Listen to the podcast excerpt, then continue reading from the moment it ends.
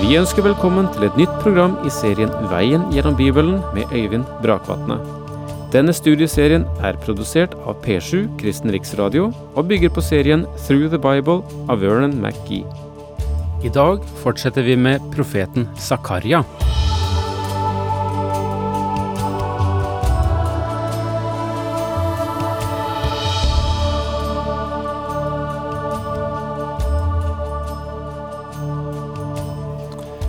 Vi er inne i et veldig dramatisk kapittel i Zakaria-boken. For her har eh, Zakaria fått melding om, fra Gud selv, at han skal bære fram et domsord til dette folket. Et domsord som forteller at um, alle folkeslag skal vende seg mot Jerusalem. Ja, selv Juda skal uh, bli motstander den dag. Og uh, Jerusalem skal bli en tumleskål for folkene. Her eh, tales om en kolossal krise. Den eh, vanskeligste krise som Israel noensinne har vært oppi. Det er da det absolutt står alene, og alle folkeslag står mot dette folk. Men da skal det skje at Herren igjen skal bevise at han står ved dette folk.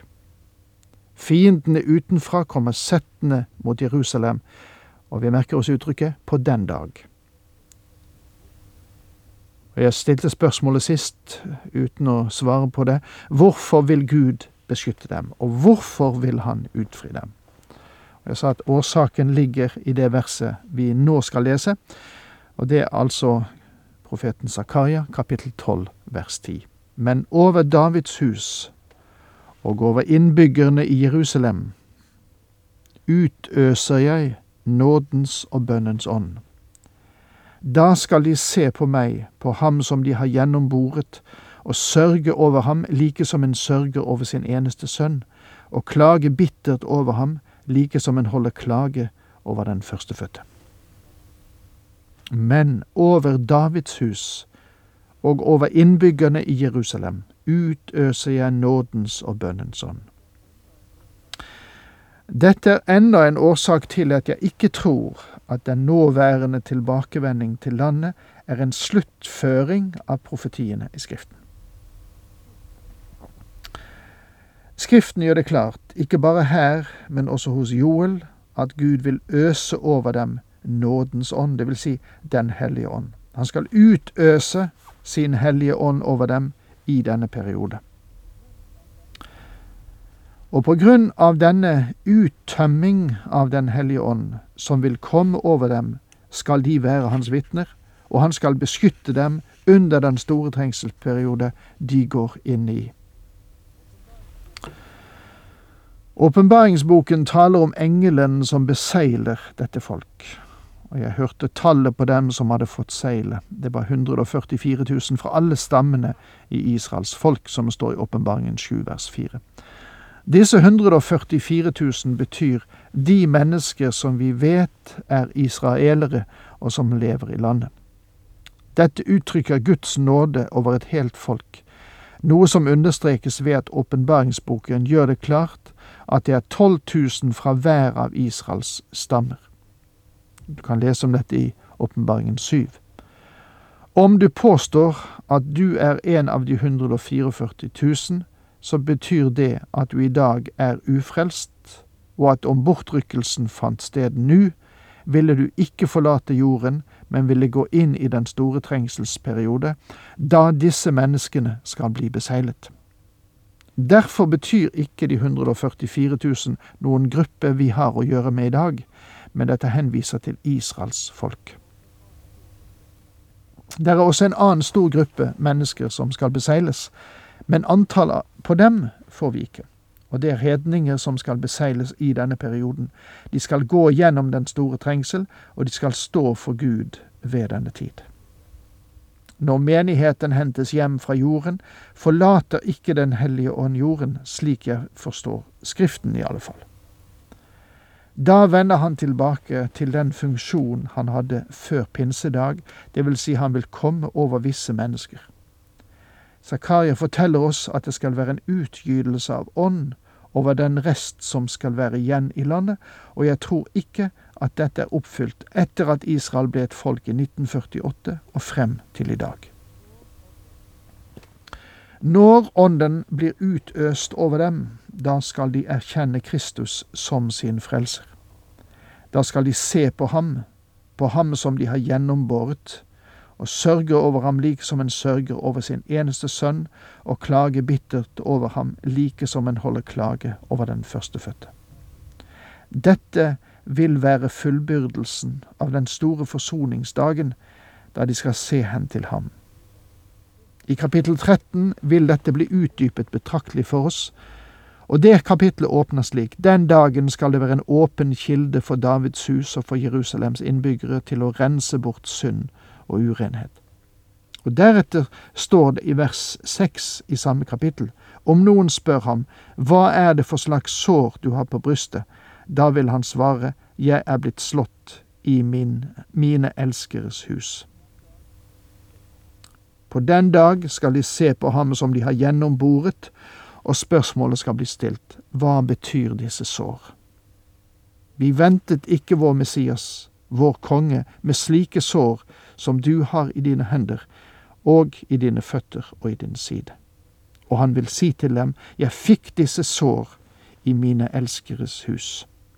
Jeg kom, men dere tok ikke imot meg, men nå er jeg kommet tilbake. Vi skal sørge på grunn av det. Men her får vi en forklaring på hvorfor Gud vil forsvare Jerusalem.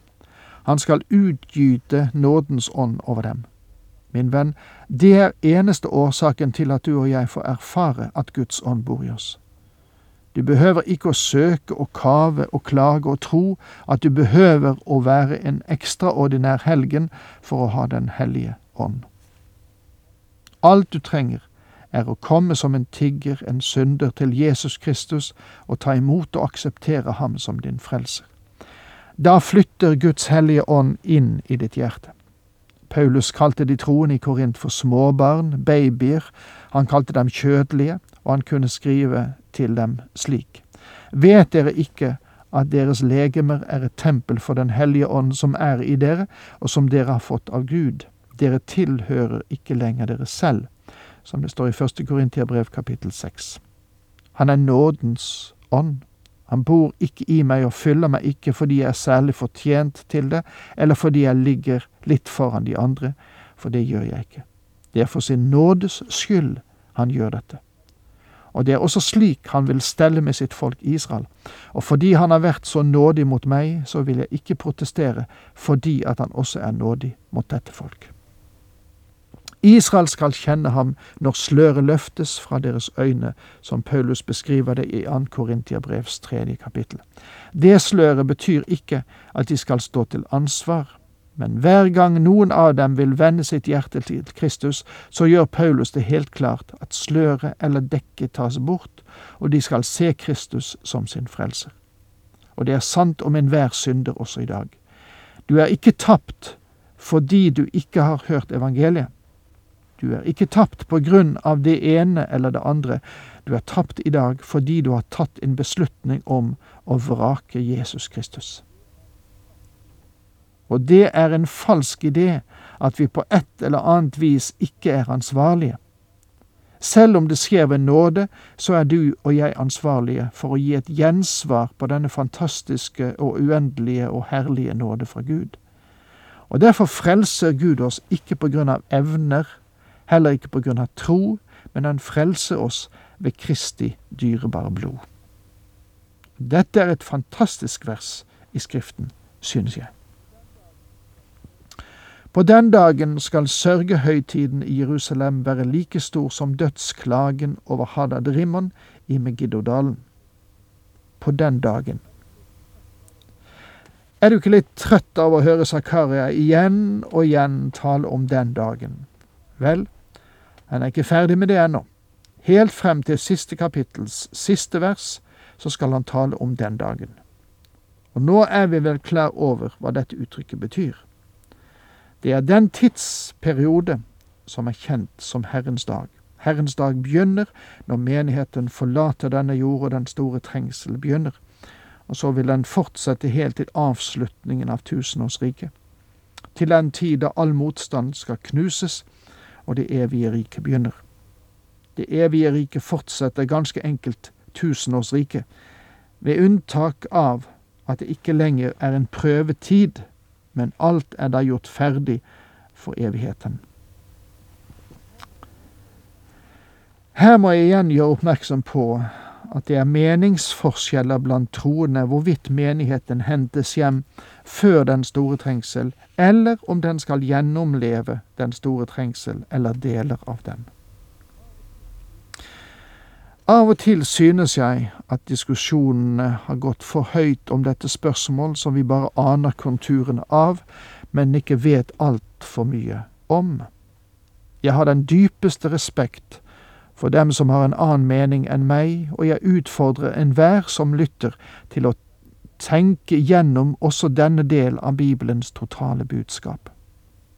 Men for meg selv er jeg av den oppfatning at en bortrykkelse skal finne sted.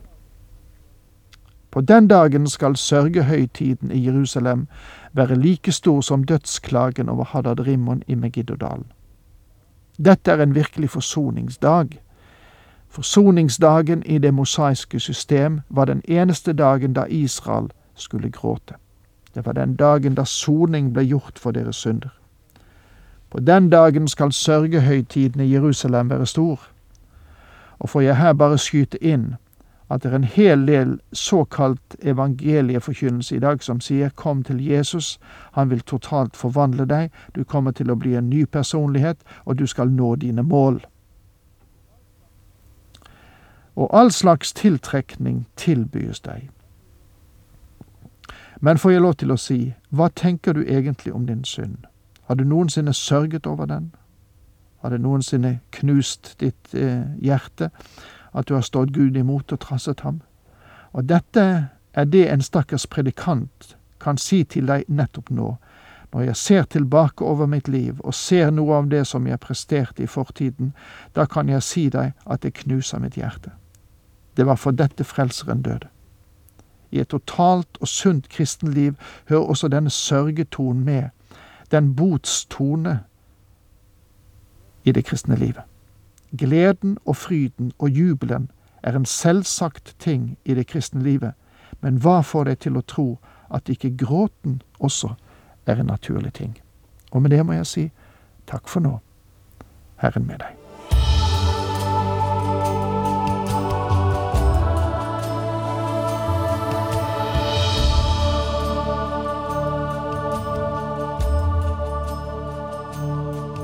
Du hørte Øyvind Brakvatne i studieserien Veien gjennom Bibelen.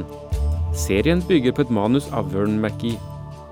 Har du spørsmål eller kommentarer til programmet, kan du sende en e-post til vgb krøllalfa p7.no. Takk for i dag, og på gjenhør.